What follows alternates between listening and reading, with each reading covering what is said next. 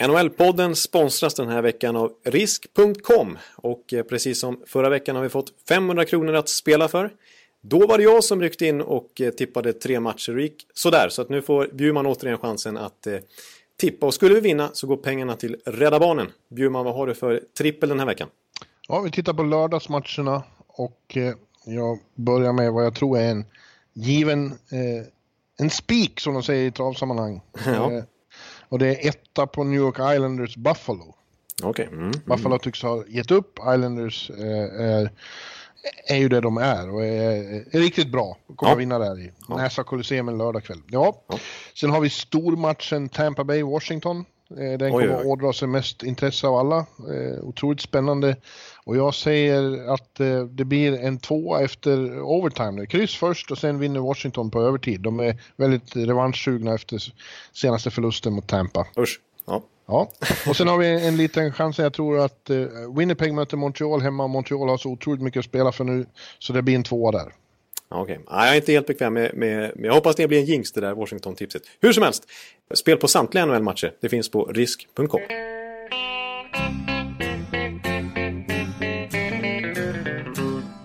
Hello out there, we're on the air, it's hockey night tonight. Tension grows, the whistle blows and the puck goes down the ice. The goalie jumps and the players bump and the fans all go insane.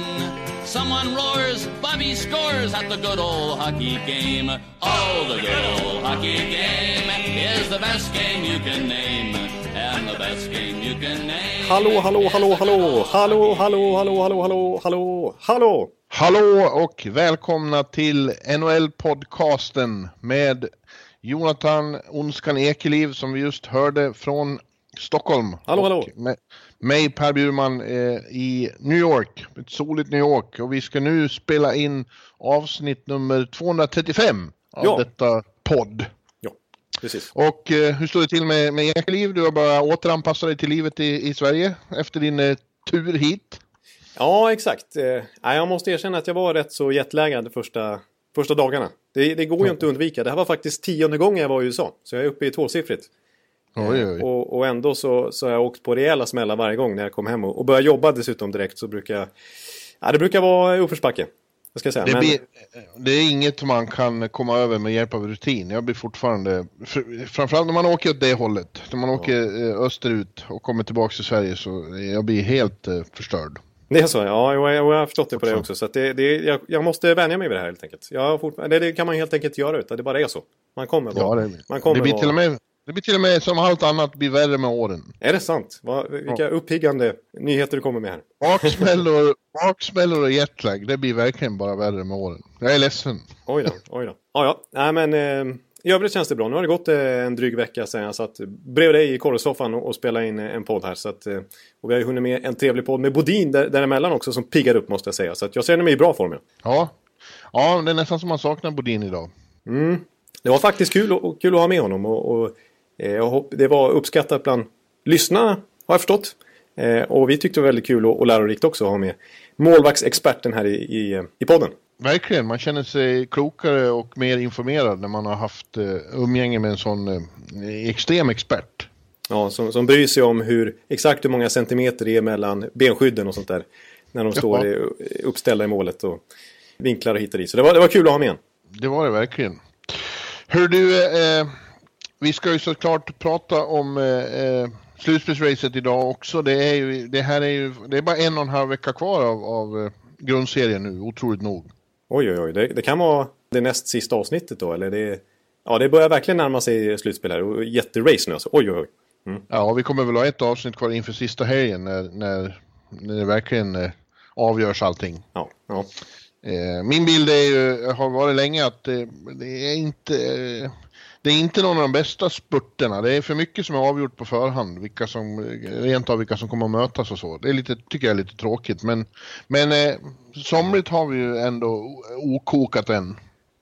Ja, precis. Det är inte helt... Eh, det är visst, jag håller med dig där. Det är, det är kanske inte den här absoluta dramatiken eh, överallt. Eh, liksom, I och med att ändå... När vi vet att Boston och Toronto kommer mötas och Tampa seglar iväg totalt och det är på många håll och kanter känns det ganska avgjort. Men det är ju de facto eh, fortfarande flera lag som är inblandade i den riktiga streckstriden där vilka som överhuvudtaget ska få spela slutspel. Så det, det måste man ändå glädjas åt. Ja, det får vi göra. Framförallt i väst så börjar det, eh, ja, det är lite infernaliskt där. Exakt. Ja. Och eh, ja, jag tycker det, det är bra underligt att eh, vi redan är här. Jag tycker, jag tycker det var nyss vi satt i, och, och, och pratade om eh, inför säsongen och så. Det, det, det, säger, det säger swish. Sen har det gått. Ja, alltså det är konstigt det där för nu är det, vad är det, femte, sjätte säsongen vi spelar in den här podden. Och det, det, det känns som vi konstaterar samma sak här vad i slutet. Du, sa du, vad sa du, att det är 56 säsongen? Nej, inte 56 är överdrivet, men eh, femte, sjätte säsongen med ett komma emellan. Ja, ja. Eh, det hade varit något. Om det, det hade varit 56 säsongen. Vi började 1963. Men... Ja, exakt. Det här är avsnitt 1390. Nej, betydligt mer än så. Ja, eh, 10 000. Ja. ja. Jag minns när vi satt i gamla forum i Montreal. ja, just det, exakt. Och det var bara sex lag i NHL. Ja. ja. Nej, men... Nej, det var starkt gjort. Hållit i så länge. Ja, men även om vi skulle hållit i så länge så känns det som att vi skulle konstatera att ungefär samma sak den här tiden på året i slutet av mars. Att det går väldigt fort. Visst, det är en lunk där i november, december lite grann och in i januari kanske. Men det är, ändå så känns det som att det, eh, man har färskt i minne hur vi tänkte i våra införpoddar. Och hur vi resonerade då. Så smack så sitter vi här nu och så är det dags för slutspel nästan. Ja. Det är, det är konstigt, konstigt hur, hur det ter sig år efter år. Faktiskt. Ja, men hör du, innan vi kommer in på, på racet och allt som hör till det så ska vi väl, ja, det är, lite nyheter har ju, lite har hänt som inte rör det direkt. Nej. Och eh, vi kan ju börja med eh, den, eh, tycker jag, rätt coola nyheten att eh, Steno Chara, Steno Chara i Boston ja. Bruins har fått ett eh, nytt ettårskontrakt vid 42 års ålder. Ja, det är faktiskt eh, sensationellt ändå.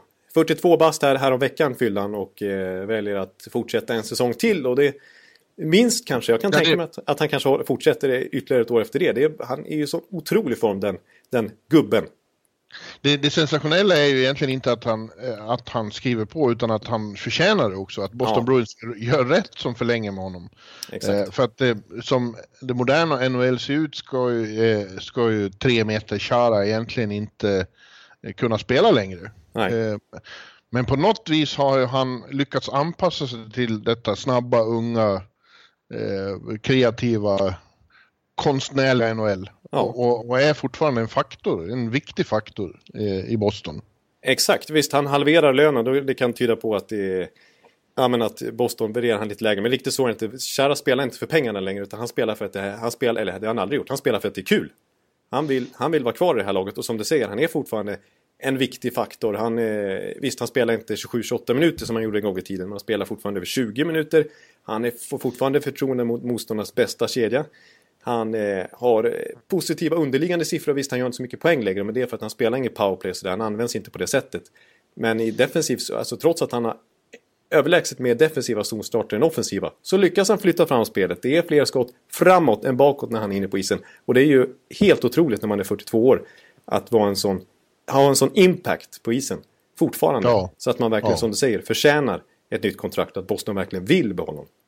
Ja, det är ju också intressant för att eh, så sent som under World Cup 2016 där hösten, ja. då, då sa ju vi och pratade om i den här podcasten att nu, nu har nog tiden till slut sprungit ifrån honom. För då såg han ju för långsam ut och eh, eh blev lite bortgjord emellanåt. Lite kona var han faktiskt då. Han, ja, han hängde inte men det riktigt var, med. Nej, men det var som sagt i eh, september på, han hade uppenbarligen inte liksom hittat in i sitt vanliga eh, hans vanliga rytm över hur han kom in i en säsong hade nog stört honom lite där. Ja. Men sen dess har han ju inte alls sett ut så. Nej. Han har inte varit någon kona. Nej, nej, verkligen inte. Tvärtom snarare. Han har varit, som vi är inne på, han har varit, haft en väldig impact på isen. Och det som är coolt med Chara, det är som alltid har varit, han har ju alltid varit ett fysiskt fenomen. Och ett, ett riktigt träningsfreak liksom. Men han, han är ju så noga med att, att hålla sig i superform hela tiden och att han säger ju uttalat att han försöker hitta knep för att trotsa sin ålder. Det ska inte märkas att han är 42 år utan han vill vara som en 28-åring i sin prime. Mm. Så att han, eh, han hittar ju nya sätt, till exempel han har Eh, jag vet att han har tränat sin skridsko, just med tanke på dagens tempo i NHL och att det är många unga småspelare som bara flyger fram och han måste ändå hänga med. Så har han arbetat ihop med ja, ett par amerikanska tvillingar som tog brons i konståkning här senaste OS. De, har, de två tvillingarna har, har hjälpt Chara att hitta nya sätt i skridskoåkningen för att eh, bli, bli bättre helt enkelt och bli aktivare i sin åkning. Eh, mm. och det har verkligen hjälpt honom. Och sådana här grejer som att eh, han, han har blivit vegan här nu. Han är ju extremt noga med kosten. Så inför den här säsongen har han helt slutat med kött, helt slutat med mejeriprodukter och liksom räknar kalorier och allt vad det är. Så han är ju supernoggrann med, med sin eh, fysik helt enkelt. Han ska vara på bästa möjliga sätt. Och försöker ju som sagt att utveckla sin skridskoåkning och hitta sätt för att ja, men man, ska inte, man ska inte märka att han är 42 år. Utan det ska, det ska vara den gamla Chara som fortfarande är så bra som han faktiskt är. Ja, ja intressant. Eh, och kul. Eh, hör till ändå. Ja, han, jag som är, är liksom i, den här åldern, för mig är ju han en institution i NHL. Jag kan knappt komma ihåg ett NHL utan Zdeno Chara. Nej, eh, det, han har ju varit här hela tiden medan jag har gjort det här i 14-15 år. Ja. Eh, så han, han är en av de få som är kvar från de där första säsongerna jag gjorde här. Eh, ja. I synnerhet av de som inte var rookies då. Nej, precis. Han var ändå med i matchen på riktigt då liksom. Mm. Ja. Det, jag vill säga det är imponerande. Så här, så här, han verkar liksom utanför isen. Han, det påstås att han kan prata åtta språk flytande. Jag vet inte riktigt om det stämmer. Ett av dem ska vara svenska och det har jag aldrig sett prov på.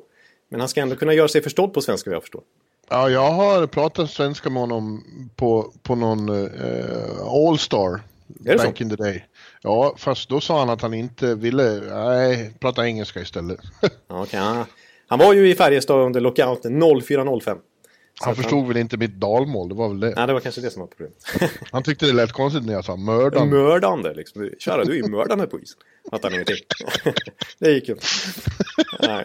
Ja, ja. ja nej, Men... framförallt, eh, nej, framförallt och sen har jag genom åren roat mig med att gå fram till eh, där hans klubbar står. För hans klubbar är längre än jag till exempel. Ja, just det. Jo, det är klart. Ja, oj, han har ju alltså dispens för att han är så lång. Och, eh, alltså den räckvidden han har, det är klart att det är ju ett, ett jättevapen.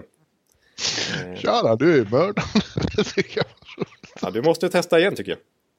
Ja. Ja, ja. ja vi får se. Ja, nej, men ja. åtta språken då. Han, han har tagit massa utbildningar mitt under NHL-karriären. Så han är ganska högutbildad faktiskt. Han har mäklarlicens till exempel. Så, så det, det, är en fascinerande person, Zdeno Chara, inte bara hockeyspelare.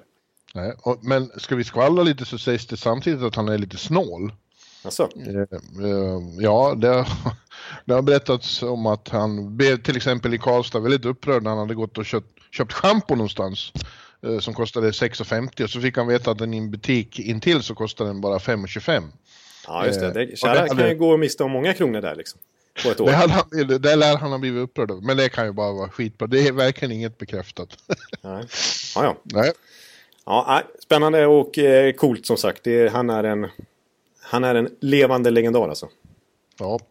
Du, eh, nej, då säger man levande legend. Ja, levande, spelande legend. Kan man säga så då? Ja, ja han, men, legendar eller levande legend? Ja, ja, bra. Det där är diskuterat. Det där är viktigt. Ja. Det där är en riktig sån eh, ordmärkeri alltså, som eh, ja. språkpoliser kommer reagera starkt på. Ja. eh, apropå förlängningar, eh, en eh, herre som du håller högt Mm. Tampas coach eh, John Cooper fick eh, plötsligt en, en, en, lång förlängning här med, med, med Tampa. Ja. hur, hur, alla detaljerna känner jag inte till, men jag utgår från att du gör.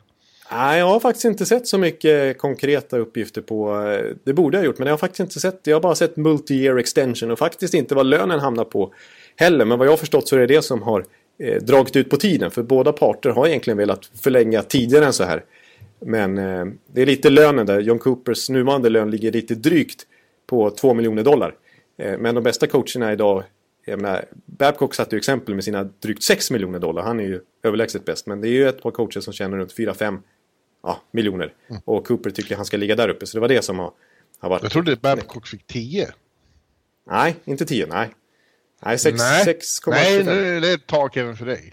Ja, där, där, där, precis. Där, där sätter jag ner foten. Ja. Ja, du, det här ska jag kolla. För, eh, eh, det här ska vi kolla. Ja, 6,25 eller sånt där tror jag. ja. ja, vi får... Ja, eh, det blir en snabb googling. Ja, det blir det faktiskt. Mm, mm, mm. Ja, du har rätt. 6,25. Ja. Men eh, Quenville hade väldigt mycket också. Ja, kan han ha legat på... Kan han lägga på 6 miljoner? Quinn har 2,5. Eh, Julien har ju 5 miljoner i Montreal. Mm. Barrett Trotz fick väl 5 miljoner i Islanders nu också? Ja, det är unknown står det här. På oh, Cap Friendly-sidan. Okay. Mm. De har bara uppgifter på några stycken. Scott Gordon i Philadelphia 2 miljoner, det var väl att ta i. Ja, det var ju oväntat att det kom ut med tanke på att han är bara interim. Sägs ja. Mm. Travis Green har en miljon, men snålar i Vancouver. Precis ja, som, eh, precis som eh, Florida Panthers coach, och vad kallar vi honom Ekeliv? Ja, det ska jag inte säga igen. Det blev vulgärt senast. Och, och Bob, Jeff Bob Blash, Bogner. Ja, Jeff Blash gillar 800 000. Ja, exakt. Han har varit eh, nästan den lägst betalare tror jag. I hela, ja. hela ligan. Det är ganska mycket pengar ändå. Ja, ja det, är, det är ingen synd om dem. Det är det verkligen inte. Nej, skitsamma, pengarna. Eh, eh, tycker du att eh, det här känns bra? Eh, du som Tampa-fan. Eh, Cooper är, är, ju väldigt omtyckt och omskriven och, och en, en charmig figur. Och han har ju haft ja. framgång kan man lugnt säga. Han är ju faktiskt den tränare som har suttit på sin post längst nu i och med att Quenneville fick sparken. Så det är ingen ja. tränare som har, har, varit det för sin klubb längre än vad Cooper har varit sedan 2013 för Tampa när han tog över mitt i säsongen för att Guy Boucher blev sparkad. Ja. Eh, och då... ja, men är du nöjd med det här då? Ja, men det är jag faktiskt. Det måste jag säga. Det var ju lite sådär när de missade slutspel för två år sedan så var det ju, eh, hängde han ju lite löst sades det. Och det var lite kritik inom Tampa-kretsar mot Cooper men ah, han har aldrig riktigt varit nära och han är väldigt omtyckt. Både bland spelare, bland fansen, uppe i ledningen också eftersom att Julien Brisbois general manager nu. Det var han som tog honom till AHL en gång i tiden. Från början så att han knöts till Tampas organisation.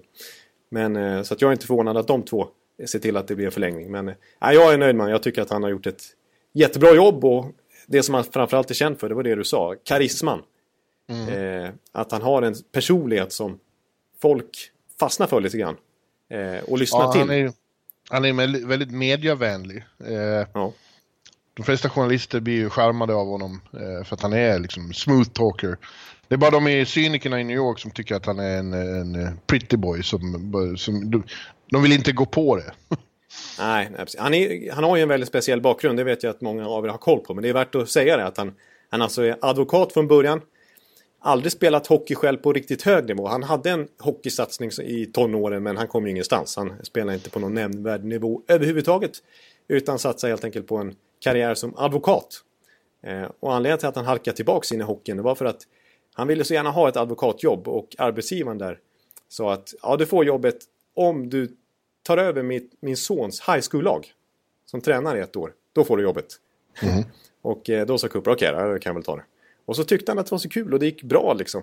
Eh, så han fortsatte, han fick, blev erbjud, erbjuden att ta över ett riktigt juniorlag i NAHL, North American Hockey League, som jag tror är den näst högsta juniorligan i USA. Eh, nere i Texarkana som vi körde igenom på roadtrippen. Ja, där, nere var, där nere var Cooper och han fick ju ta ett enormt ansvar där. Han fick ju måla isen, eh, linjerna på isen, han fick sätta fast reklamen på sargerna och han fick gå ut och sälja biljetter inför matcherna och, så här, och coacha laget. Och eh, ha hand om vilka spel som skulle in och ut i truppen år för år. Så att han, han var på den nivån eh, började han kan man säga. Sen har han vunnit sig upp i hierarkin hela tiden. Han vann där, han vann sen i USHL, den, den högsta nivån av juniorhockey i USA efter liksom universitetslagen där. Sen kom han till AHL alltså, vann Calder Cup med Tampas farmarlag och nu så är det faktiskt bara NHL-nivå som han inte har vunnit i än. Eh, men nu har han vunnit grundserien i alla fall. Mm. Så att, eh, han var, har varit framgångsrik och han har en väldigt speciell bakgrund. Eh, och alltid fått eh, liksom, beröm för, för sin karisma snarare kanske än sina taktiska drag och sådär. Han, han sägs vara underskattad att han är väldigt detaljerad i sin coach och inne och petar lite här och var. Men just den här kommunikativa förmågan att prata med spelarna, inte skälla på dem, utan att nå fram till dem med ord är hans styrka. Jag har sett honom eh, arg också. Eh, jag har suttit på någon träning där i Amalie Arena när han har plötsligt avbrutit träningen och skrikit fucking fuckers. Ja. att de är get this to your fucking skulls och så vidare. Ja, ja, ja, så han, han, har en sån sida också. Ja, jag kommer ihåg, jag kommer ihåg när vi såg en match i New Jersey eh, Devils Tampa när vi kom in i omklädningsrummet efter förlust för Tampa och det var helt, det var helt, eh, helt tyst och kallt inne i omklädningsrummet. Det kändes som att de hade åkt på, det liksom, håret stod bakåt på alla spelarna. Ja. Då kändes det som att de hade åkt på en rejäl eh, hårblåsare. Ja. Så att den sidan har han uppenbarligen också. Mm. Vi går vidare. Det eh, varit lite vågsvall kring eh, Drew Dowdy häromdagen. Han är ju inte eh, den som skräder orden när någon sträcker fram en mikrofon åt honom eh, och ställer eh, bra frågor. Då säger han vad han tycker, Dowdy. Och nu handlar det dels om, eh, uttryckte han sin ja, motvilja kan man väl säga mot herr Kachuk i Calgary. Ja, det var inga snälla ord han hade om honom. Eh, Matthew Kachuk alltså. Nej, det var den han tyckte sämst om i hela ligan. Man har inte hört någon såga någon på personligt plan. Ja, det skulle vara Ryan Johansson mot Ryan Kessler då. Men ja, det här var ju mer på Sean Avery-nivå nästan. Ja, det här var liksom att han har absolut ingen respekt för Matthew Kitchak som på något sätt. Och det finns ing, det finns, eh, fråga fler spelare i den här ligan, det är ingen som respekterar honom. Han är Nej. hemsk, han är hemsk, ungefär så uttryckte han sig. Ja, det var, eh, det var Det var eh, hårda bud. Å andra sidan finns det ju faktiskt de som säger samma saker om, om Drew Dowdy. Eh, om du frågar runt i, bland äldre spelare i San Jose hur det var när Kings var bra och slog ut, eh, alltid slog ut Sharks ur, ur eh, slutspelet. Mm. Mm, så berättar de att eh, han var ingen bra vinnare precis. Eh, Dowdy. Han kan, eh, han kan vara ganska ociviliserad på isen han också känns det som. Precis, och även i media så har han gått ganska hårt åt eh, Kalifornienklubbarna. Mm. När de har mötts stött på varandra i slutspel och under grundserien och skickat ganska hårda pikar hit och dit. Så att han, han är ju frispråkig, Dowdy. Och det är ju, det är ju ändå uppfriskande att det finns lite sådana spelare i NHL. Men man kan ju tycka vad, vad man vill om just det han säger. För det är ju, som sagt, det är väldigt hårda ord. I, I, Las Vegas förra året, eh, efter första omgången när de hade då svept Kings, mm. eh, Golden Knights, så inför fortsättningen så var det under matchintrot så kom alltid Dowrys röst. Ja, från, en intervju, från någon intervju tidigare under säsongen när han säger There's no way they're gonna be better than us come playoff time. ja, exakt. Den, den, den uh, körde de hårt med. Ja. ja, men sen gick han ju då vidare och det var frågor om Norris Trophy. Uh, och uh, där kom det inte fram åsikter som du fann intressanta. Ja, precis. Där var han ju, fortsatte ju på samma sätt och eh, gjorde ner Brent Burns ganska ordentligt. Och även Erik Karlsson lite grann. Men framförallt Burns exemplifierar honom eftersom att Burns är så pass aktuell för att vinna trofén den här säsongen. Det står ju lite mellan Jordan och Burns, kanske ja. Riley och John Carlson. Men eh, där tyckte ju Burns att det är ju solklart att Marcus... Nej, Dowdy tyckte. Dowdy tyckte, tack så mycket. Dowdy tyckte att det är solklart att Giordano ska vinna priset. För det är en komplett back, en skön snubbe, en familjeman. Och ja, det, det var han dessutom måste poängteras. Och han är ju, visst Burns är ju, är ju bra offensivt sådär och det är även Erik Karlsson. De två är kanon De är, bättre, de är på en annan nivå där. Men defensivt, de kan ju inte mäta oss med oss. Alltså jag och, och Mark Giordano är mycket bättre där. Och Giordano som dessutom har gjort 75 poäng den här säsongen och är så otroligt mycket bättre eh, defensivt än vad Burns och Karlsson är. Det är jag menar, han sa så här. Varje gång jag ser en match med Brent Burns, han blir ju bortgjord tre gånger. Ja. Så att, eh, och ändå så är han aktuell för Norris Trophy. Jag förstår inte. Så sa han. Nej. Eh, ja. Så det var, det var en, en rejäl sågning. Men han är ju inte den första som för fram de här åsikterna. Även om han kanske för, för fram dem med mer eh, färgstarkt än, än normalt. Eh, ja. Men det har ju förekommit diskussioner om det inte borde finnas två backpriser. Eh, ett ja. för just offensiva backar och ett för mer defensiva. Och, och vi, eh, eh, när vi har den här mer informella omröstningen Eh, efter halva säsongen. Ja. Så finns det ju en sån kategori. Precis, Rod Langway Award kallas den inofficiellt. Ja. ja. Eh, och kanske, det, det kanske ändå ligger någon poäng i det, även om jag tycker att han eh, har lite fel om eh, Erik Karlsson till exempel. Ja. Eh, som ju, det visar ju, och nu är, eh, börjar jag citera underliggande siffror. Ja, Men de är ju bättre än vad, vad, vad man kan tro, eller hur? Ja, det är de alltså. Precis. Erik Karlsson har verkligen utvecklat sin defensiv och eh, utifrån de underliggande siffrorna så är han i princip en komplett spelare. Eh, och så som det lät på, eh, på Doughty nu om Burns så var det liksom att han inte spelade några defensiva situationer alls. Men han snittade ändå två minuter i boxplay den här säsongen och, och sådär. Och har ju en tvåvägsroll i San Jose. Även om den är definitivt tungvikt på det offensiva. Och det stämmer ju att han slår bort en hel del puckar. Han, är ju lite av en turnover machine Burns. Alltså han ligger väldigt högt upp i den kategorin när det gäller giveaways. Eh, mm. Men han, han ger så mycket till laget så att han är ju en väldigt positiv spelare impactmässigt ändå naturligtvis. Inte bara på grund av sina poäng utan hur han driver spelet. Och han har ja. väldigt mycket takeaways också, det vill säga han snor tillbaka pucken i väldigt många fall också. Betydligt mer enligt statistiken än vad Drew Dowdy gör. Så att, eh, eh, ja, jag, tror, jag tror det handlar lite grann om att Dowdy är besviken på att hans lag ligger toksist i konferensen, inte har någonting med, med slutspel att göra. Eh, liksom han inte har någonting med Norris Trophy att göra den här säsongen. Samtidigt som gamla ärkerivalen San Jose går för kuppen nu. Och Burns ja. Eh, nämns som en eh, favorit att kanske vinna sin andra Norris Trophy. Ja, fast eh, jag tycker jag har ju hört mer hela säsongen om att Giordano är definitivt en Norris-kandidat i år. Ja. Jag, skulle... jag tror att han, han, ligger väldigt bra till. Ja, jag håller med dig, för att jag, skulle jag rösta, det får jag inte göra, du, du är ju med och röstar. Ja. Eh, så att du, du har ju verkligen en officiell eh, chans att påverka. Men eh, jag skulle nog rösta på Giordano för att jag håller med om att han är väldigt komplett och på alla sätt man tittar på hans säsong den här året, både offensivt och defensivt, så har han varit fantastiskt bra. Så att jag, och visst, det brukar också vara lite så att man förtjänar priset till slut efter lång och trogen tjänst. Och det ska, kanske man inte ska värdera hela tiden, men även om man glömmer bort det faktumet så tycker jag nog Giordano är nummer ett för mig. Ja, när Dowdy fick det till exempel, då var det ju så.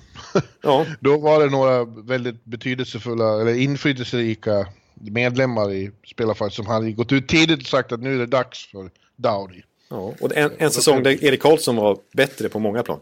Ja, men eh, eh, det här pratade vi väl bara om för något avsnitt sen. Eh, men men eh, de som är aktuella för Norris är Giordano, Burns, Karlsson, John Karlsson. Ja. Eh, Morgan Riley. Morgan Riley och Victor Hedman och Mattias Ekholm. Det är de namn som nämns. Ja, Josie lite grann också. Josies sista ja. månader har varit bra också. Mm. Men ja, det har ju Hedmans också. Eh, Exakt. Eh, han har ju producerat mycket på slutet och när jag nämnde det för honom häromdagen att nu blir det nog en Norris-nominering igen. Nej, det trodde han inte, men han sa att jag tycker det har känts bra hela säsongen. Eh, skillnaden är att eh, nu på slutet, jag börjar producera lite mer på slutet. Ja, precis. Han har fått utdelning. Ja, men det syns ju mycket också. Det är fina mål han gör, Viktor. Ja, precis. Han är ju inte rädd för att sticka fram och komma, komma i kontringsspel och två mot ettor och sånt där. Nej, häromdagen när han för, kom släpande efter ett friläge med Stamkos och fick tag i pucken. Och... Osannolikt att Viktor Hedman är först på returen liksom. Ja. Av alla. Före ja. till och med motståndarlagets backar. Jag fick jag försöka vara snabb med händerna, som man uttryckte Ja, det var han. Ja. Ja, det har varit mer eh, tjafs faktiskt. Det glömde vi att säga här när vi pratade eh, körschema. Eh, men eh, i, i, Los Angeles, för att eh, nu har ju då Kowalczuk tagit bladet från munnen vad gäller eh, eh, coach Desjardins. Också. Just det. Mm. det. det. såg du väl? Han var ju oerhört upprörd över att ha blivit scratchad några matcher. Precis, han fick inte följa med här när de åkte iväg på borta turné till och med. Mm. Och eh, ja, nu är det ju så att Kowalczyk har inte varit något bra. Han är ju ett problem för eh, ett av många felbeslut eh, Kings har tagit den här säsongen och inför den här säsongen. Men eh, jag håller ju delvis med honom ändå. Jag tror att det här med att ersätta John Stevens med Digidan var ett av de allra värsta besluten de har tagit. Ja, det kände vi redan då att det var ett eh, namn helt från vänster. Som vi ja. inte alls räknade med och som kändes passé lite grann i NHL efter att ha inte gjort något starkt avtryck i Vancouver.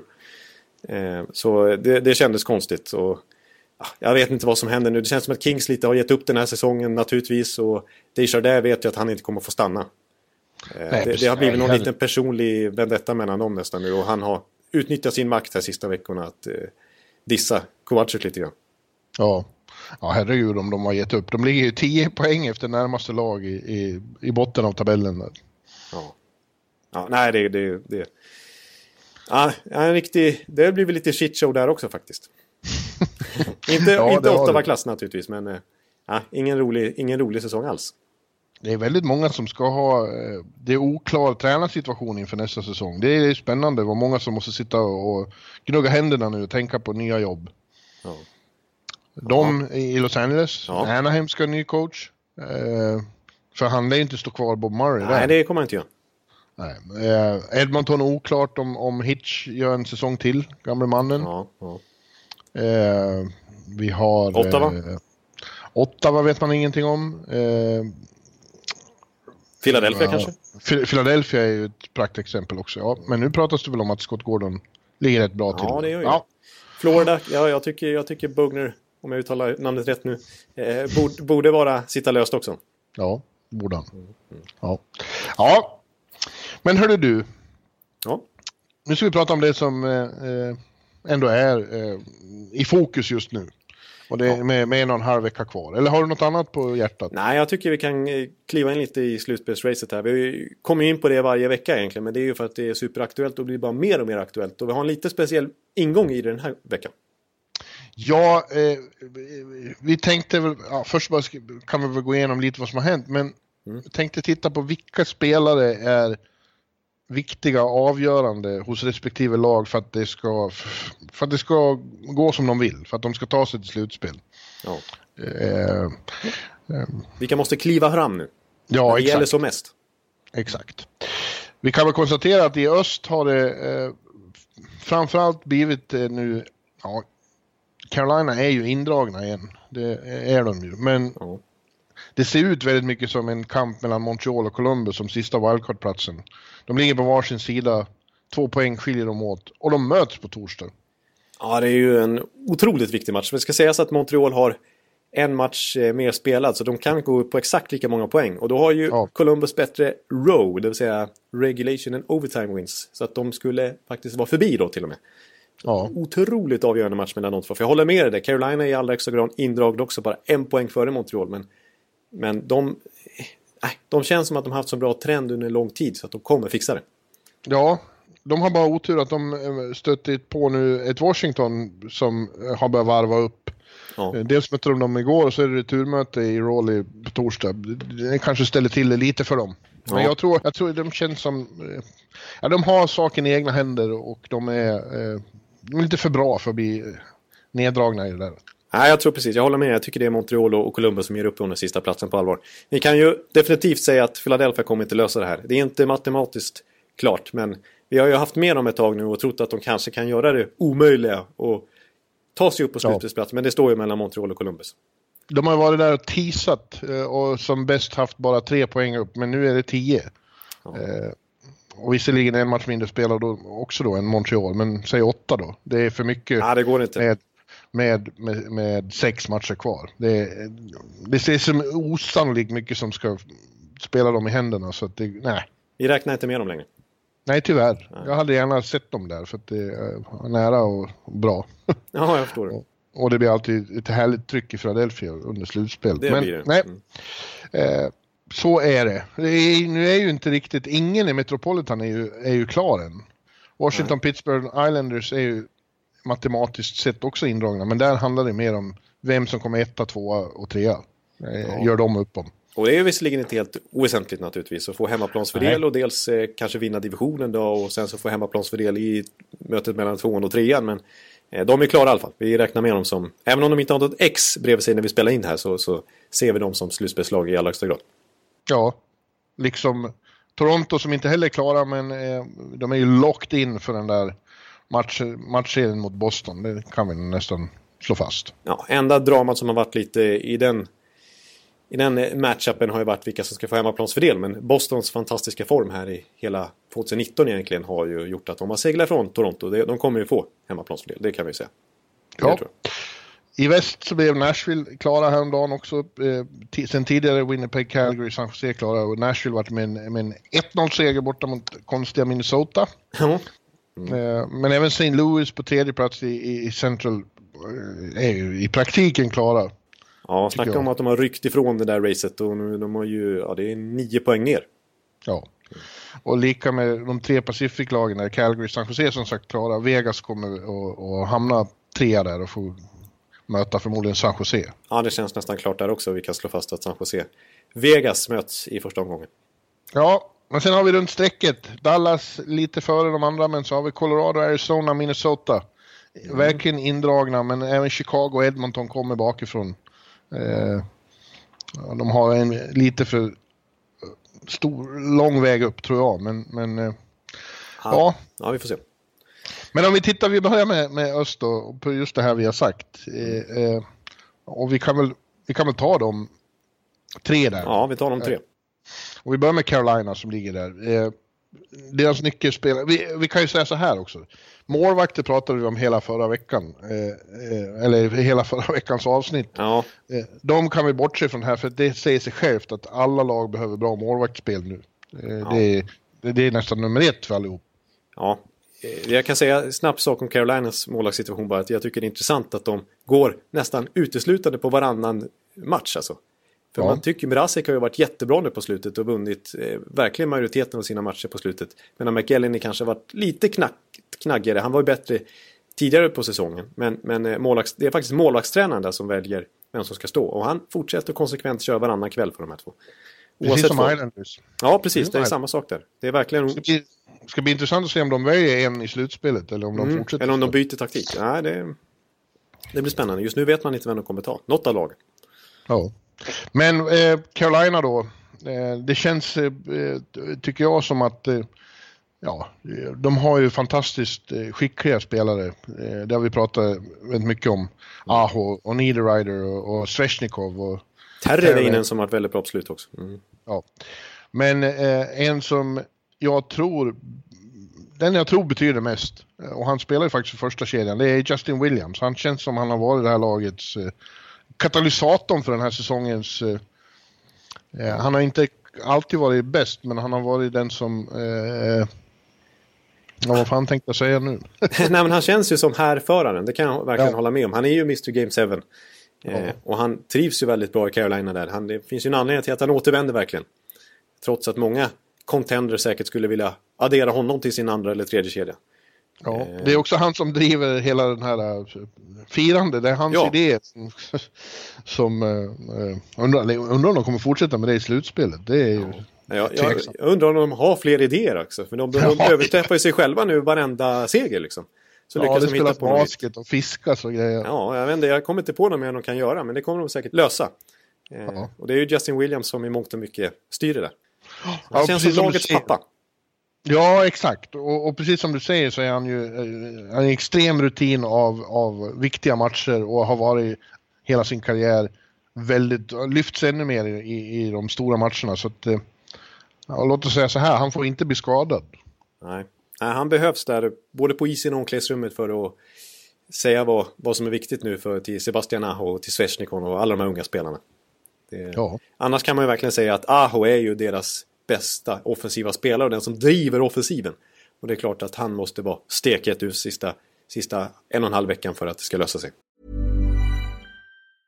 When you're ready to pop the question, the last thing you want to do is second guess the ring. At BlueNile.com you can design a one-of-a-kind ring with the ease and convenience of shopping online. Choose your diamond and setting. When you find the one, you'll get it delivered right to your door. Go to Bluenile.com and use promo code LISTEN to get $50 off your purchase of $500 or more. That's code LISTEN at Bluenile.com for $50 off your purchase. Bluenile.com code LISTEN. Ja. Ja, Eh, sen har vi Montreal då, som just nu är på sista wildcard-platsen. Eh, där eh, är det är ju på slutet, vi, vi pratar mycket om den här Max Domi och Duran, men de har skilts åt nu. Eh, och det är Thomas Tatar har varit väldigt bra på slutet eh, under deras push här. Ja, han gjorde ju ett par mål här, här om natten när de vann stort. Ja, och han gjorde några mål dessförinnan också och, och har tagit kliv framåt mm. här sista månaden. Precis, han började säsongen jättebra och det kändes som en, oj, man räknar ju inte riktigt honom som en impact-spelare i Montreal efter att han blev tradad från Vegas mot Max Pacioretty. Eh, det var ju snarare eh, draftvalet där och att man fick Nick Suzuki, det stora prospectet som var den stora vinningen för Montreal. Men så visade sig att Tatar studsade tillbaka och var ju jättebra i början av säsongen. Eh, och som du säger, nu har han faktiskt blivit het igen här. Mm. Så att han är ja, det var ingen dålig trade för Mark Bergevin. kan man verkligen inte säga. Det finns ytterligare någon bland alla dessa små unga, unga eh, genier höll jag på att säga, men eh, ja, det kan man väl nästan kalla dem. Ja, Domi, ja. Brian och Kotkaniemi. Eh, Andrew Shaw eh, tror jag är viktig i det här läget också med, med, med, sin, eh, med sin personlighet. Ja, han är ju en... Eh, han är ju lite grisig liksom. Han är, ja. men han har ju en... Det får man ge honom. Att han, är, han är ju lite Viktor Arvidsson fast lite mer min. Han, han är, det är ju en motor i honom. Han vet ju vad man får. Han kommer ju alltid ge 100%. Även om det är lunk eh, omgång 35 och Montreal skulle vara avhängda säger vi. Ja. Det, Andrew Shaw kan man alltid lita på och han får, får ju med sig ofta resten av laget. Eh, och ja, gör ju faktiskt och, en del poäng också. Ja, och, och har, har vana av, också av de allra största matcherna. Jag tror att ja. det betyder mycket sådana här gånger. Precis, efter Chicago-tiderna. Mm. Men annars måste jag säga att det är återigen understryka Max Domes betydelse för detta Montreal. För han är ju faktiskt den som trots några tuffa veckor hit och dit under säsongen orkat hålla uppe en hög nivå hela tiden och haft ett jämnt poängtempo. Han leder ju interna poängligan ganska klart med 10, ja, 10 poäng ungefär. Och, och gör ju sin klart bästa säsong i karriären och har verkligen fått ett lyft i efterflytten från Arizona. Han är den som driver deras offensiv ungefär som Aho gör i, i Carolina. Han är ju deras bästa spelare offensivt. Så är det bara. Mm. Så han måste fortsätta på samma väg. Ja. Sen, sen är det klart, Kolla. Shea Webber till exempel, backsidan. Jag menar, självklart. Ja, jag måste bara konstatera att Webber, ha, det, sägs, det sägs att han fortfarande känner av sin skada faktiskt. Eh, så att de måste chansa lite med honom under slutet här för att, och han har fått lite reducerad speltid med någon minut per match här för att orka igenom det här. Men det är lite oroväckande för framtiden att han eh, har sina problem. Ja. Columbus. Eh, de hade en lite jobbig resa i, i västra Kanada. Ja. Eh, när de fick stryka av Calgary. Framförallt att de fick stryka av Edmonton. Eh, det var inte så lyckat. Sen slog de då Vancouver med 5-0. Kommer hem och slår Islanders med 4-0 igår. Ja. Det var ju väldigt imponerande. Det var lite statement för honom. Eh, del, dels att eh, det brukar vara svårt första matchen efter en sån lång roadtrip. Eh, och det brukar vara jävligt svårt att spela mot Islanders överhuvudtaget. Ja. Eh, men ja, det var ett statement, det har du rätt i. Och, och, och, det kändes som de hittade det där vi såg när de slog Boston. Ja, när de öste in sju mål. Ja, ja det var, den här matchen, jag såg inte så mycket av den, men den beskrevs som riktigt grisig. Ja. det, var, det var inte mycket uh, grannlåt, men alla, alla kämpade som de skulle och, och täckte skott och alla gav allt för varann och så vidare. Tortorella Hockey. Ja, och det, det, har på något vis blivit så för dem, även om, om de har knutit till sig uh, fina stjärnnamn här som Duchene och Single, mm. så känns det som Columbus i väldigt hög grad är, är, är beroende av det, av just av laginsatsen, att alla drar åt samma håll. Att alla Eh, förstår du vad jag säger? Ja, jag förstår verkligen vad du säger. Och det ser man ju på siffrorna också. För det, det skulle jag komma in på om jag ska välja någon spelare som måste kliva fram här nu verkligen offensivt. För att det, och det är inte han jag säger nu som jag, jag tänker poängtera sen. Men, men vi, vi såg ju Josh Anderson verkligen leda laget i den här 7-4-segern mot ja. Boston som vi var på plats. Det var ju den kedjan, det var ju Boone Jenner och så vidare som verkligen klev fram och visade vägen för dem. Och ja. sen trade deadline, sen de fick in Matt Duchene Ryan Single och så vidare. Eh, så är det faktiskt Josh Anderson som har gjort mest poäng i laget. Eh, ja. Medan Panarin då, som är den klart bästa spelaren, alltså är, han är ju en otrolig elitspelare. Han, har faktiskt, han gjorde ju mål här om natten eh, i den här matchen mot Islanders, men dessförinnan hade han bara gjort ett mål sen trade deadline och det duger ju inte.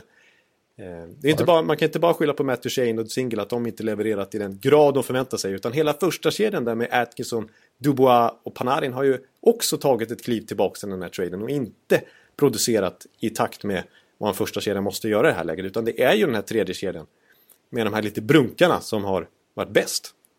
Ja, och eh, ja, exakt, det vi såg av Josh Anderson så att, känns som, det, det, måste inte bara vara han utan att han sätter tonen för hela laget med den, med den sortens insats som vi såg. Ja. ja. Att det är det som krävs från, från fler håll. Eh, ja, exakt. Ja, alltså, men sen är det såklart sant att en sån som Panarin måste, måste producera. Precis, han måste ju ligga på en poäng per match i snitt nu. Eh, sista, ja, eh, han borde, borde ha gjort det tidigare också för att då hade de inte varit i den här situationen tror jag. Om deras toppspelare hade levererat på den nivån de kan göra och som de gjorde tidigare under säsongen. Både Panarin-kedjan och eh, Duchene uppe i Ottawa. Eh, då skulle de ju ha 6-7 poäng till tror jag. Ja. Eh, så att, ja. Eh, ja, jag ska, vi, vi, har inte, vi ska inte prata målvakter men det är klart att Bobrovskis 2-0 här på slutet Eh, ja, de är ju, ja, det skänker väl också väldigt mycket tillförsikt om han kommer upp på den nivån. Eh, ja. Men igen, det är ju lika med Carey Price i Montreal. Jag säger ju det. Målvakterna är fullständigt avgörande. Ja, de är, de är ju viktigaste positionen. Så att då, och vi pratade som sagt förra veckan om dem. Så vi måste nästan utesluta dem ur ekvationen nu, även om det kanske är den viktigaste pusselbiten i sammanhanget. Ja. Eh, men jag säger Panarin, nu måste du kliva fram och göra mål här. Eh, och ja. lyfta ditt spel. Ja, om vi tar oss till väst då så, så säger vi att Dallas fortfarande är indragna. Nu har de mm. eh, tre poäng ner till eh, understrecket men de har också en match mindre spelad än lagen som kommer där bakom. Mm. Eh, och återigen, det är ju eh, målvakten, ja, målvakterna, Bishop och eh, Kudomin har ju varit deras viktigaste på hela, hela säsongen. Det, det sa ju John Klingberg åt oss när vi var där att eh, de har inte alltid spelat så bra men de har vunnit för att de har haft så fantastiskt bra målvaktsspel. Ja, där kan man eh, verkligen peka på dem. Att det är det som gör att de ligger hyfsat bra till ändå. Ja. I övrigt är det ju så att även om det, även om det har blivit lite, lite mindre eh, felbalanserat där, för i flera år har de ju varit så extremt beroende av första kedjan med Ben och Seguin och ofta Radulov på, mm. på kanten. Mm. Eh, det, de har, det har planat ut lite så att fler, fler har eh, inflytande över hur det går. Eh. Men det är såklart fortfarande de som är allra viktigast. Ja, man kan, man kan nämna en spelare så han Rope Hintz som vi ju såg i omklädningsrummet. Finländaren som stod och snackade mm. finländ, finska med Esa Lindell och Mira, Miro Heiskanen och satt i en eh, liten egen hörna där och det var eh, finska så det sjöng om det där. Eh, han har faktiskt gjort sex mål här senaste månaden. Ja. Och fått eh, utökat förtroende och varit en liten injektion för dem. Mm. Eh, men annars är det verkligen så. ska jag peka ut någon spelare så säger jag snarare att Jamie Benn måste lyfta sig. För jag tycker att Tyler Seguin har varit bra hela säsongen och inte varit horseshit.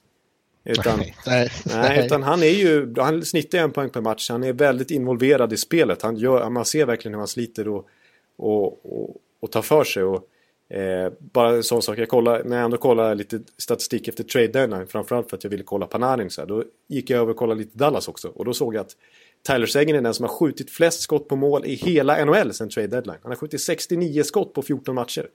Och det visar ju att han verkligen försöker. Eh, en dröm fantasy-spelare. Det får man verkligen säga. Ja, för då, där vill man ha mycket skott. Eh, mm. och han gör mycket poäng nu på slutet också. Så Seguin har verkligen steppat upp sitt, sitt game och, och, varit bra egentligen hela säsongen. Men Jamie Benn, det är klart, betalar man 9,5 miljoner för en spelare så förväntar man sig mer än att han ska ligga på kring 50-51 poäng som han gör just nu. Eh, han är en gammal 40-målsskytt i NHL och vann poängligan, hela poängligan för bara fyra år sedan. Men nu ligger han så här kring 27 mål och visst, det är inte dåligt. Men det är inte 9,5 miljoner bra och han är ändå kaptenen i, det här laget. Eh, jag vill se mer av Jamie Benn. Ja, men jag tror man kan säga om de, om de eh, fortsätter producera mm. och eh, målvakterna fortsätter spela lika bra, då, då ska Dallas klara det här. Ja. Eh, det är deras slutspelsplats to lose, får man säga. Ja, nej, jag, jag, tror, jag håller helt med där. De är, de är för bra.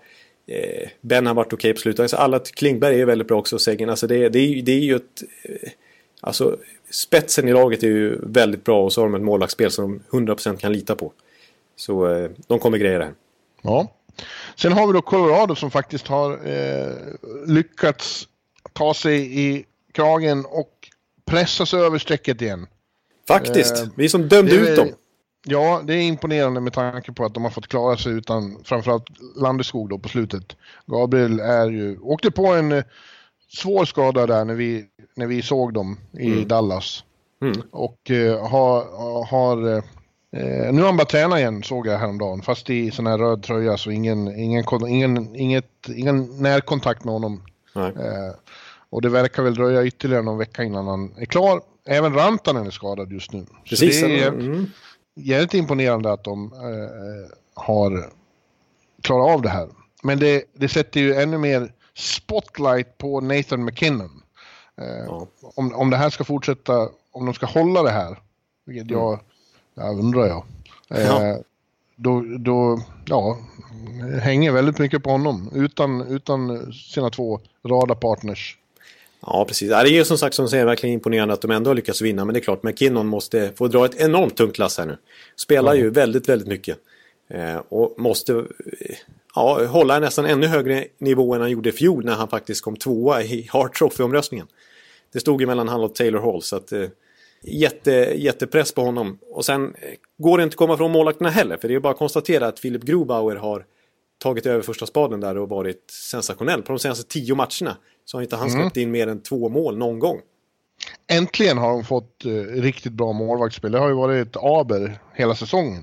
Ja, ja att, exakt. Att, det är det största problemet. Valam, vare sig han eller Valamov har riktigt... Uh, ja, de har aldrig varit bättre än, än 3 plus. Liksom. De har inte gjort det här extra Nej. som krävs. Nej. Ja, undrar jag. Ändå. Ja. Eh. Ja, imponerande också att de möter Chicago ett dubbelmöte som var jätteviktigt här i, här i, häromdagarna. Mm. Eh, och tar ändå 3-4 poäng där. Trots att inte Rantanen är med. Det är ju, eller Landeskola. Eh, och mycket tack vare Grobauer faktiskt. Om man ska lyfta fram en enskild spelare. Ja. Och nu kommer ju då en, en supermatch alldeles snart, imorgon. Ja. Eh, torsdag. För då möter de Arizona och det är Arizona de har precis bakom sig. På samma poäng men en match mer spelad. Ja, oj, oj, oj. Och Arizona såg jag här då i helgen. De var ju i New York i helgen och, och, och mötte Devils i lördags. Och den matchen var jag på en matiné. Fick de stryk på straffar. Mm. Eh, och sen fick de stryk, blev de nollade av, av uh, Islanders. Och jag fick så lite känslan att ja, det kanske blir svårt ändå att fullborda den här skrällen. Det var ju faktiskt femte raka förlusten då. Ja, ja det var ju det. Eh, men sen åker de hem då ett för att Oliver sa då, jag kommer ihåg, vi, vi pratade om det efter eh, Devils-matchen, han sa att det, det är ändå de kommande tre matcherna, varav två hemma, det här kommer att avgöras. Och den första var då mot Chicago igår. Mm. Eh, och den, det var en riktig slutspelsmatch. Otroligt tajt och inget utrymme och ingen tid för någon. Ja, där var det tajt ja. De vann karaktäristiskt nog med 1-0 där. Ja. ja, det är ju, det är ju defensiven där alltså att de är så eh, lojala och täta defensivt. För även om de förlorar fem matcher har de ju fortsatt att släppa in väldigt få mål. Men de har ju mm. enorma problem med målskyttet. Men tack vare Darcy Kemper som vi har tjatat om nu i flera veckor i rad så ja, det, de är ju ändå chansen i varje match. Det har de verkligen. Ja, ja men här går det nästan inte att ta ut en enskild spelare utan här handlar det verkligen om kollektivet. De har ju liksom inga stjärnor. Nej. Utan de har en, en, en ett otroligt väl sammansvetsat lag där alla gör allt för varandra. Ja. Eh, och eh, ja, ska man säga något, Michael Grabner får fortsätta eh, göra penalty kill. Ja, precis, det är deras hopp att han, han, är, han, är i alla fall, han är i alla fall extremt målfarlig i boxplay. Ja. Där kan de vinna lite matcher höll jag på att säga. Men det har de ju gjort under säsongen, så varför inte fortsätta på den vägen? För det är ju så, alltså Clayton Keller som båda vi är fascinerade av och jag tycker att han är en, jag älskar att titta på honom. Och framförallt förra säsongen. Men det är ju en sophomore slump så jag håller i sig här in på slutspurten. Han har liksom, nu måste han ju kliva fram. Men nu är det fyra senaste matcherna. Då är det noll poäng från Clayton Keller. Ja. Eh, så att de får ju, det är, det är bara att konstatera. Och det kommer väl kanske inte ändra sig sista veckan här. Att deras toppspelare gör inte mål på kontinuerlig basis. Utan det är Darcy Kemper som håller tätt. Och så får de göra lite mål i boxplay. Eller något skitmål av Vinnie Hinnerstrosa eller Något sånt där så att, så, att det, så att det klarar sig. Eller Nick Cousins var det väl mot Chicago här. Ja. Att, mm. Men även, även eh, man måste ju framhålla just Oliver och, och hans fellow smålänning Niklas Hjalmarsson. Ja. Eh, som har varit med ändå i, i de här situationerna. För det sa, det sa Oliver också att han hade märkt på laget nu att det, det här extrema unga laget där de flesta aldrig har varit i den här situationen överhuvudtaget eh, och varit med och jagat och spelat så här stora matcher, att han märker en viss nervositet. Mm. Eh, har spridit sig. Att, då är det ju upp till sådana och, och, och liksom sprida större lugn. Eh, och se till att man fortsätter spela som, som man ska. Och det gjorde de ju sannoliken eh, mot Chicago. Ja, ja verkligen. Ja, det är faktiskt imponerande hur de har hållit ihop det. Eh, för de har ju liksom aldrig tappat någon match som sagt. Utan de är ju väldigt, väldigt med i matcherna. Mm. Och just det med målskyttet är ju problemet. Men det är ändå imponerande hur det här extremt på pappret uddlösa laget ändå har fortfarande chansen alltså. Ja.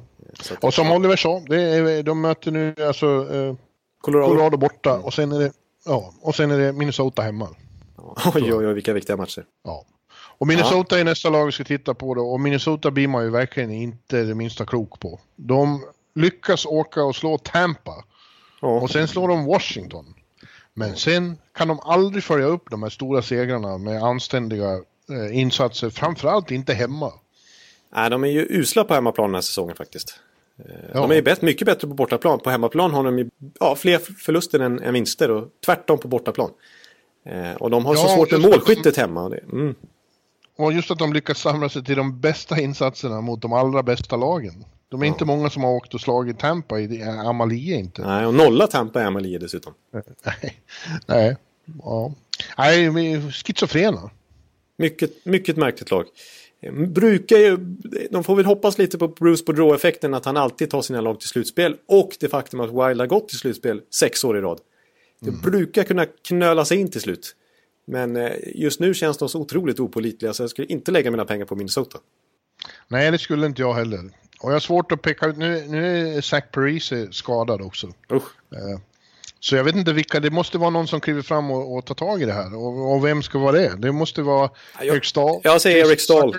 Ja. ja. visst. De har ju några killar som kan kliva fram. Ryan Donato har ju faktiskt varit bra sen traden. Och mm. är väl mm. den som leder poängligan sen dess tror jag internt. Eh, men eh, nej, Eric Stahl alltså. Han var ju en sensation i fjol när han gjorde 42 mål. På äldre dagar och verkligen studsat tillbaks. Men den här året har den skörden halverats exakt. Han faktiskt ligger på 21 just nu. De är ju beroende av Eric Stahl, alltså att, att verkligen de offensiva gubbarna presterar. Eh, och ja. då måste Eric Stahl göra mer mål än vad han har gjort den här säsongen och vad han har gjort på slutet här framförallt. Så att, jag ska peka ut någon som måste Stahl kliva fram. Eric Stahl. Mm. Sen, sen, måste jag säga, poängtera också att jag tycker, visst fansen är väldigt upprörda. Michael Russo där uppe i beatwritern på The Athletic är ju, är ju sur, nästan höll jag på att säga också, över hur de spelar.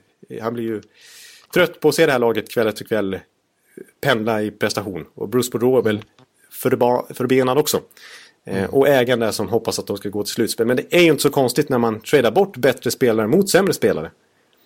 Alltså, på, visst, de, de, har skapat lite löneutrymme och de har föryngrat sig. Så att, och det är ju bra, för det ju, tycker jag nästan att de skulle göra. För de skulle ändå inte komma någonstans med sin originaltrupp i ett slutspel mot Nashville eller Winnipeg. Men det är klart att de blir sämre på kort sikt genom att trada bort Mikael Granlund, Charlie Coyle och Nino Niederreiter. Eh, ja. Mot Donato, eh, Rask och Fjalla. Det är klart det, ja. det är klart det blir tufft. Ja. Ja, och det vittnar ju om att det inte är riktigt eh, är samstämmig syn eh, mellan till exempel coach och general manager. Nej, och fans sådär. I och med att de var tvungna att gå ut med den här filmen. De, de, de säger ju inte att det är en rebuild och de säger inte riktigt retool heller. Utan de säger nej, vi fortsätter liksom. Det är lite nya spelare hit. Det är ingen, det är ingen tydlig markering tycker jag från Minnesota var de står någonstans. De har gjort massa grejer men, men ingen vet riktigt, knappt de själva ens, vad de vill. För samtidigt är målet att gå till slutspel fortfarande. När de har försämrat sin trupp. Så att, ja, jag tycker det, det är klart det blir splittringar då. Liksom, som det har blivit där. Mm. Ja. Mm. Jag vet inte. Uh, ja, vi, vi, vi, vi, säger väl att Chicago och Edmonton uh, ändå har chansen. Ja. Och uh, men de ligger så långt efter så det går inte bara att säga att den här spelaren måste vara bra. Alla måste vara i, spela hundraprocentigt på toppen av sin förmåga eh, om det ska gå. Exakt, för i båda deras fall så kan man säga att det är väl bredden som verkligen måste kliva fram. För det går inte att säga att Patrick Kane har gjort en dålig säsong eller att Conor McDavid har gjort en dålig säsong. Topp tre i, i poängligan båda två. Eh, så ja, på gränsen till MVPs, eh, liksom båda två, eh, generellt sett i ligan. Eh, det är de som gör att, att de fortfarande har chansen. Sen får man även lägga till Leon Draisaitl också, vilken otrolig säsong han har gjort. Mm. Eh, och framförallt andra hälft. Hattrick igår, precis som Ryan Nugent Hopkins i den otroligt underliga matchen mot eh, Los Angeles Kings. Ja. Som de vann med 8-4 till slut. Ja. Och två hattricks. Ja, två hattricks i samma match. Det var väl ett hattrick i första perioden dessutom av RNH. Så att... Ja. Konstig match. Och... Ja, mycket. Jag pratade faktiskt med Kleffy Klevbom efteråt. Han sa, mm. herregud. Eh, det var nog roligt att titta på, men det var inte roligt för oss backar. Nej. Nej, det var en bisarr historia faktiskt.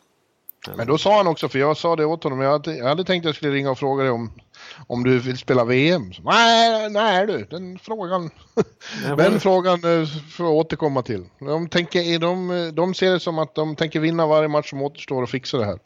Ja, ja, ja, det är klart de ska gå för det fortfarande. De är ju, har ju faktiskt en, en hyfsat eh, matematisk chans ändå. Ja, mm. hyfsat. Men jag tror att det är, det, det är väldigt långt med fem poäng den här tiden på året. Jag tror till och med det blir tufft för Chicago. Jag tror det står mellan Minnesota, Arizona och Colorado. Ja, det var, tror jag också. Mm. Eh, Klebon, jag måste bara fråga dig. Svarar han sådär snabbt som han, har, han, har en, han är nästan känd för att göra nu? Ja, han är snabbast. Han är snabbast. Han är, han är bäst ja. i NHL eh, på att svara snabbt. Ja, han tar fram telefonen i omklädningsrummet och, och smsar tillbaka. Ring nu! Ring nu! Värmländska är min sämsta dialekt att imitera, men... Eh, ja, jag ska inte ge mig på... Jag är dålig på att imitera allt. Okej. Ja, ja. Ja, men nu, nu nämnde jag att jag nästan frågade honom om VM. Eh, så sa vi att vi skulle avsluta lite med det idag och titta på eh, de avhängda lagen. Vilka som borde vara givna i, i Grönborgs och eh, Garpens och Poppes trupp till Slovakien. Ja. Mm. Och både Klebom och Larsson, borde, de har väl gjort stort intryck när de har varit med. Så skulle Edmonton missa så är de väl eh, aktuella. Absolut, absolut. Och Larsson var ju faktiskt väldigt bra i VM i fjol. Adam eh, blev ju nästan lite folkkär då. Ja. Med sitt robusta ja, spel. Å andra sidan, om Chicago missar så tycker jag Erik Gustafsson förtjänar verkligen en chans. För han har ju varit en av de stora svenska backsensationerna den här säsongen. Ja, precis. Det är något jag har försökt liksom poängterat här nu under sluttampen, eller under hela säsongen när det nästan känns klart att de skulle missa. Framförallt tidigare i vintras att redan då att Erik Gustafsson kan bli liksom nästa folkkära back. Om han får ja. visa upp sig ordentligt i VM för att så bra är ju han nu. Eh, ja. Eh, nu har faktiskt Victor Hedman tror jag gått om med en pinne och leder den interna svenska backligan. Eh, men jag menar 53 poäng av Erik Gustafsson. Eh, mm. Nej, vilken, vilken back. Ja, ja verkligen. Eh, eh förtjänar enorma applåder. Han, nästan, han har fått lite för lite cred tycker jag. Ja, han borde bli mer eh, belyst här i, i Sverige hur bra han är hur bra mm. han har varit. Eh, så, så, som vanligt kan man konstatera att backsidan blir det absolut inget problem. Det, kanske är, det kommer förmodligen vara starkast i VM av alla landslag och det kan vi konstatera redan nu. Igen. Ja. Om vi fortsätter i väst då så eh, Vancouver har ju typ 1% chans fortfarande. De är inte matematiskt borta tror jag. Nej, men vi, vi, de är borta i NHL-podden. Ja, det är de. Och där finns det ett namn som eh, såklart skulle drömförstärkning i Elias. Eh, jag har ingen aning om hur han ställer sig till det. Det kan ju vara så när man har gjort första säsongen, det har i allmänhet blivit en väldigt lång säsong då. Ja. Eh, med mycket uppståndelse och det, det skulle kanske vara skönt att och, och liksom bara andas ut ett tag. Men å andra sidan är han ju så ung och eh, älsk, verkar älska hockeyn och så extremt mycket så att ja, det är i alla fall ingen snack om att, om att Elias får plats som man vill. Precis, alltså. Och jag håller med dig där som säger, det har ju varit en lång säsong. Är man rookie som han så är man med redan på prospect-kampen och sådär. Säsongen börjar ju i, tidigt i september. Till skillnad ja. från i slutet av september kanske. Eh, när man börjar spela träningsmatcher på riktigt. Men eh, ja, nej precis. För han var ju med i VM i fjol. Men blev skadad och missade slutet. Men nu helt plötsligt, då var han ju lite wildcard i truppen. Nu går han ju in som ja. första center. Ja, visst, visst, visst är det så. Så vi vill ju verkligen eh. ha honom där. Oj, oj, oj. Ja. Edler har kontraktsår, han lär inte eh, komma om, om de vill. Louis tror jag inte är aktuell. Nej. Men Markan, eh, Morrison, eh, borde, vara, borde ha en given inbjudan i det här läget. Så som han, eh, han var ju guldmålvakt i fjol. Ja. Så att det, det är det som är lite skillnad på den här truppen jämfört med Alltså om man, om man jämför de här två gulden. Nej, det var, det var han väl inte. Det var Anders Nilsson. Ja, det var ju Anders Nilsson. Nu blandar jag ihop. Det var Markström. Mark, jag, jag, jag, Marken var skadad. Jag, jag, fick upp Anders Nilsson i huvudet. Eh, ja. och, och började prata om honom och glömde bort att det är ju Jakob Markström vi pratar om. Det finns väl en risk att Jakob känner sig sliten. Han har ju spelat extremt mycket. Han drar ett enormt lass i synnerhet sen Nilsson blev tradad till Ottawa. Ja. jag vet inte hur han ställer sig till det. Nej, precis. Men samtidigt så indikationer man har fått från NHL-spelare hittills och från Rickard Grönborg på sin turné där är att det ställs i allmänhet väldigt positiva till VM. Många spelare. Ja, och... ja, det är just den här grejen att de kan vinna tredje raka guldet för första gången. Det, det inspirerar många, ja. verkar det Precis. Men det kan ju fortfarande vara så att man är, om man är slut och man känner att man inte har något mer att ge, då är det ju bara så. Ja, precis. Så att ja, nej, men vi kan ju notera då också, jag föregår lite på målvaktssidan och säger att Anders Nilsson kommer förmodligen vara tillgänglig igen. Henke Lundqvist och hur nu han noteras, så att en första målvakt lär vi få tag i i alla fall. Ja, mm. och skulle sen, ja vi har ju Ullmark i Buffalo också som har gjort det väldigt bra. Och eh, skulle Islanders bli utslagna i första omgången så har vi den som har varit allra bäst där. Ja, exakt. Så det, det, det känns väldigt lovande längst bak. Ja. Eh, för Sverige. Och vi har redan noterat backsidan då. Anaheim, där borde alla tre, eh, de stora, Silverberg, eh, Rakell och Lindholm, Hampus Lindholm, de hoppas jag att, att Tre Kronor redan har säkrat. Ja, ja. Det kan jag tänka mig faktiskt. Det är låtit positivt från deras håll också. Ja. Och i LA då, där har vi Kempe Eh, jag vet inte. Han var väl med i fjol? Ja, han var med i fjol. Och var, nej, han var med i fjol. Eh, och gjorde väl eh, lite till och från bra. Lite oklar eh, roll i slutet av turneringen. Men, eh, men, och han har ju sagt att han är positiv till att komma. Trots ja. att han har kontraktsår faktiskt. Men ja. det behöver ju inte innebära att det är kört. För att förra året var ju Janmark med trots att han var på kontraktsår. Så det är bara att de får teckna en försäkring. Det blir lite dyrt kanske. Men mm. de kan plocka spelare som är på kontraktsår också. Och Kempe har ju uttalar sig väldigt positivt till att spela VM. Adrian alltså. Sen har Carl Grundström gjort det bra, men nu vet jag inte om, om uh, det här tar slut, om han blir skickad till... Jag vet inte hur deras farmarlag ser ut inför slutspelet och så. Uh, ja, jag undrar hur det har gått egentligen för Ontario alltså. Det, det, det, nu blir det snabb googling i podden. Ja. Nu måste vi kolla här. Ja, ja, för jag tycker nog Grundström kan vara aktuell faktiskt med tanke på hur bra han har varit och jag tycker han är en sån där energispelare som lyfter sin omgivning. Mm. Han ligger ju tog sist och missade slutspel så sjunger om det. Så han kommer vara tillgänglig. Ja. I, I öst då, där är ju då eh, Ottawa, Järplös, Jumbo. Ja, det är de i hela ligan. Mm. Eh, där har vi som sagt Anders Nilsson, blir säkert aktuell igen eftersom det gick så bra i fjol. Ja, det tror jag. Eh, de har Pääjärvi och Oskar Lindberg också, men de är båda på kontraktsår, så det är tveksamt tror jag. Det är ändå, man måste säga att det är 50-50 läge i så fall. Nästan... Ja, det, dessutom som det, det är lite osäkert var, liksom, var de ska ta vägen. Eh. Mm. Mm. Ja, det är viktiga, viktiga skeden i deras karriärer att skriva nya NHL-kontrakt. Visst, de kan ju visa upp sig i VM också. Det kan ju vara ett bra skyltfönster, men samtidigt får de inte bli skadade. Nej. Nej, i Detroit, där tror jag inte ja, en har ju varit helt okej. Okay, eh, faktiskt, gjort en fin säsong. Ja. Dela Rose har ju haft sina framträdande landslag. Nu har han ju tyvärr fått lite besvär med pumpen igen. Ja. Eh, otrevligt nog. Och Kronwall och Eriksson tror jag inte eh, att de är Nej. så särskilt intresserade. Vare sig de eller ja, de har gjort sitt. Kronwall skulle vara en fin pappa i laget och få avsluta i landslaget skulle väl vara snyggt. Men nej, jag tror inte det. Jag tror inte riktigt. Nej, de känns inte riktigt VM-kompatibla i, det här skedet av deras karriärer. Han måste ladda jag. för en ny säsong här eftersom vi har inlett kampanjen One More Year för Kronwall. Ja. Jag vill inte att han ska sluta. Det är på initiativ av en gammal lagkamrat till honom kan vi säga som tycker att dags att fortsätta. Det är bara att fortsätta. I New Jersey har vi Jesper Bratt, men han, är, han tycker jag skulle vara jävligt kul att se i landslaget. Men han är ju skadad, så det är tveksamt. Om, om han får en medicinskt klartecken, det är... Nej. Nej. Buffalo blir ju intressant då. Eh, mm. Som sagt, Ullmark kan vara ett tänkbart målvaktsalternativ. Mm.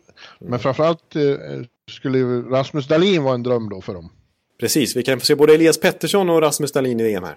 Men det är ännu mer i hans fall att det har varit en eh, evighetssäsong som ju bara fortsatte med draften och, och combines och, och enorm uppmärksamhet i ett år. Eh, det, det, kan finnas en liten risk att han känner att nej, nu måste jag få ta det lugnt några veckor och bara han, andas. Han avstod ju faktiskt VM i fjol trots att han skulle ha blivit uttagen för att han ja. behövde en andningspaus. Ja. Eh, han har ju dock inte en lika intensiv sommar som väntar för hans egen del. Eh. Han ska inte draftas och åka på rookie-camper och sånt där. Eh, så att det, det talar väl för att han, han, han har ju faktiskt uttalat sig rätt så positiva ordalag om att han kan tänka sig absolut att han är intresserad av att spela för Tre Kronor. Eh, ja, så jag tror det. faktiskt att han kommer. Mm. Hoppas det. Deras eh, sådana eh, Alexander Nylander och Lawrence Pilut, de deras farmarlag ska väl spela slutspel? De går ju fantastiskt bra där nere med andra svenskar som Viktor Olofsson och Rasmus Asplund och några av dem där tror jag kommer att få spela i NHL. Och i Sverige ja. då när de möter Tampa i Globen nästa säsong. Redan då kommer de vara NHL-spelare men eh, nej, jag tror Alex Nylander åker ju rakt ner i AHL och ska göra deras Calder Cup-push. Mm. Eh, det, det säger jag. Ja. Johan Larsson kanske aktuell. Ja, han var ju med i fjol. Ja. Ja, ja så det håller vi inte med. Sen har vi Rangers då. Eh, detta eh, soul crushing lag höll jag på att säga. Det, eh, går ju på deras match hela tiden med min säsongsackreditering. Ja. Eh, men det är verkligen inte kul längre. Eh, det, det, det är inte bra för själen att se så många hockeymatcher som inte betyder någonting. Nej, jag förstår det.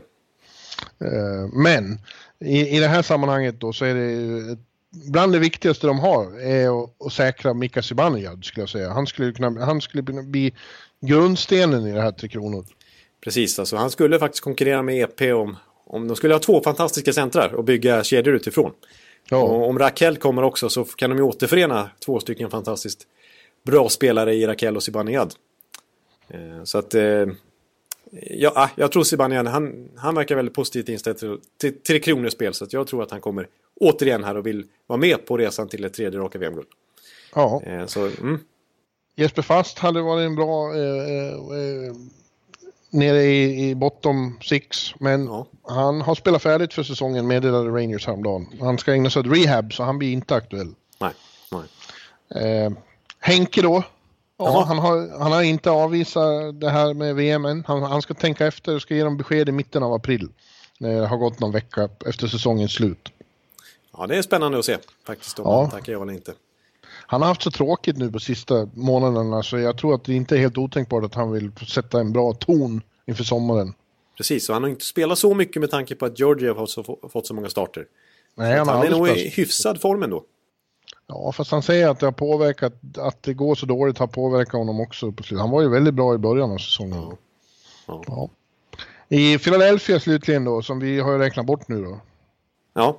Så finns det Hårde Hägg, ja. Eh, Robert Hägg och mm. Eh, Oskar Lindblom. Ja, tänkbara också.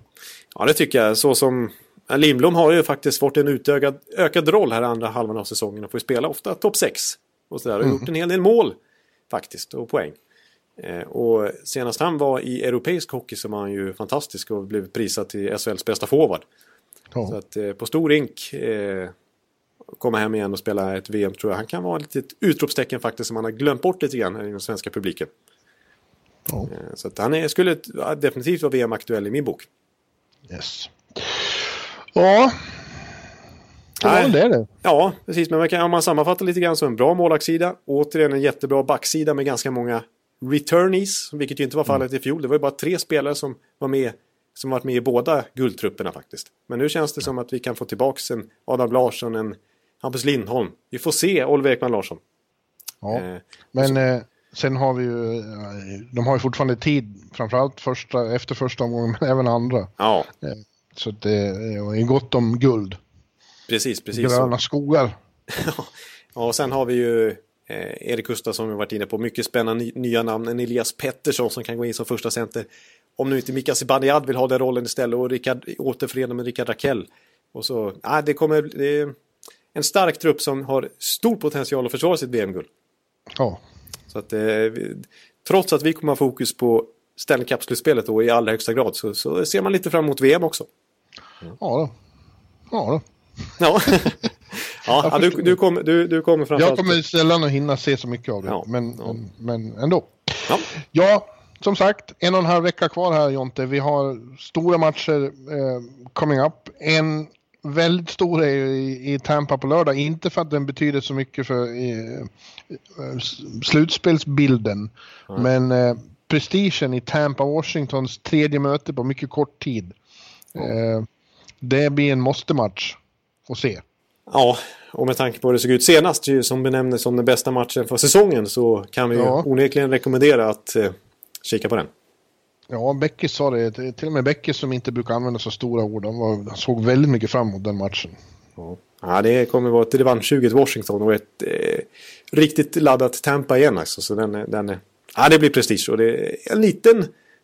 Betyder ju inte så mycket inför slutspelet men det är ändå någon slags signalvärde som skickas fram och tillbaka där. Ja, man tror ju att de kommer att mötas igen i, i, i konferensfinal. Eh, oj, oj, oj. Oj, ja, jag, jag, nu blir jag sådär tyst för att nu vet jag, nu, nu blir det så mycket... Oj. Men, men tänk, eh, det är ju jobbigt eh, att tänka på skador som kan inträffa. Det, det vill man inte ens... Det är ingen Nej, idé att spekulera. Men eh, Washington har ju redan åkt på en jävligt tung som det verkar som att Kempney blir borta. Kryckor på resten av säsongen. Ja. Mm. Och uh, han var ju fall att de tradade till sig honom, han var ju den slutgiltiga pusselbiten i fjol. Ja. Men som någon sa, det gör det ännu större, att, eller viktigare att de faktiskt tradar till sig Nick Jensen i år. Ja, det är visar sig bli ännu mer avgörande kanske den traden. Ja. Faktiskt. Och det var ju i senaste Tampa-matchen som han blev skadad Kempney efter ganska fult eh, spel av Cedric Paquette. Ja. Så att det så pratas ju lite grann om att Tom Wilson är sugen på att hämnas. Mm. Usch, usch, usch. ja. ja.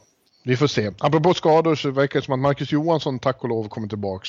Som ja. haft sån fruktansvärd otur. Han fick någon smäll på lungan. Ja. Eh, här. Lungan. Lungan. Det ska du inte kära förstå. Nej, eh, och, eh, men eh, eh, verkar vara klar för spel mot, mot Rangers så det tycker jag är väldigt roligt för han har haft sån satans otur så det är härligt om han får komma tillbaka. Man undrar honom lite eh, slutspelshockey här Ja, verkligen. Ja, ja men det, ska vi sätta punkt då? Ja, ja, det tycker jag vi kan göra. Det blev ett ganska matigt avsnitt det här. Vi är uppe i en, en, en timme och en kvart ungefär. Ja. Så att vi, vi, vi tackar väl Eh, vi säger väl tack och, och bock och sen så är det en, eh, ett, det sista grundserieavsnittet då nästa vecka. Ja, det blir spännande. Det blir otroligt spännande. Mm. Så att eh, vilken vecka vi har framför oss till dess. Men, men vi säger tack och bock för, en, för den här veckan nu. Det gör vi. Hej då! Hej! Hallå, hallå, hallå! Hallå, hallå, hallå! Alex Chiazot, Joe Luis Arena och Esposito. Esposito. Uttalsproblem, men vi tjötar ändå. Och alla kan vara lugna, inspelningsknappen är på. Bjuder Hanna Kohl, han är grym i sin roll. Från Kållesoffan har han fullständig kontroll på det som händer och sker. Det blir ju allt fler som rattar in hans blogg. Och lyssna på hans podd. One, two, time, speed, so Hallå, hallå, hallå. One, two, time, speed, so Hallå, hallå, hallå. Ekeliv, som är ung och har driv. Verkar stor och stark och känns allmänt massiv. Han hejar på Tampa och älskar Hedman. Sjunger som Sinatra. Ja, och det ser man. Nu är det dags för refräng. Dags för magi, Victor Norén. Du är ett geni. Så stand up at home and remove your hats. Höj volym, för nu är det plats. One, two, time, speed, so Hallå, hallå, hallå. One, two, time, speed, so Hallå, hallå, hallå. One, two, time, speed, so Hallå, hallå, hallå. One, two, time, speed, so Hallå, hallå, hallå. Det är otroligt länge sedan båda samtidigt var så här bra. Hallå, hallå, hallå. Det är otroligt länge sedan båda samtidigt var så här bra.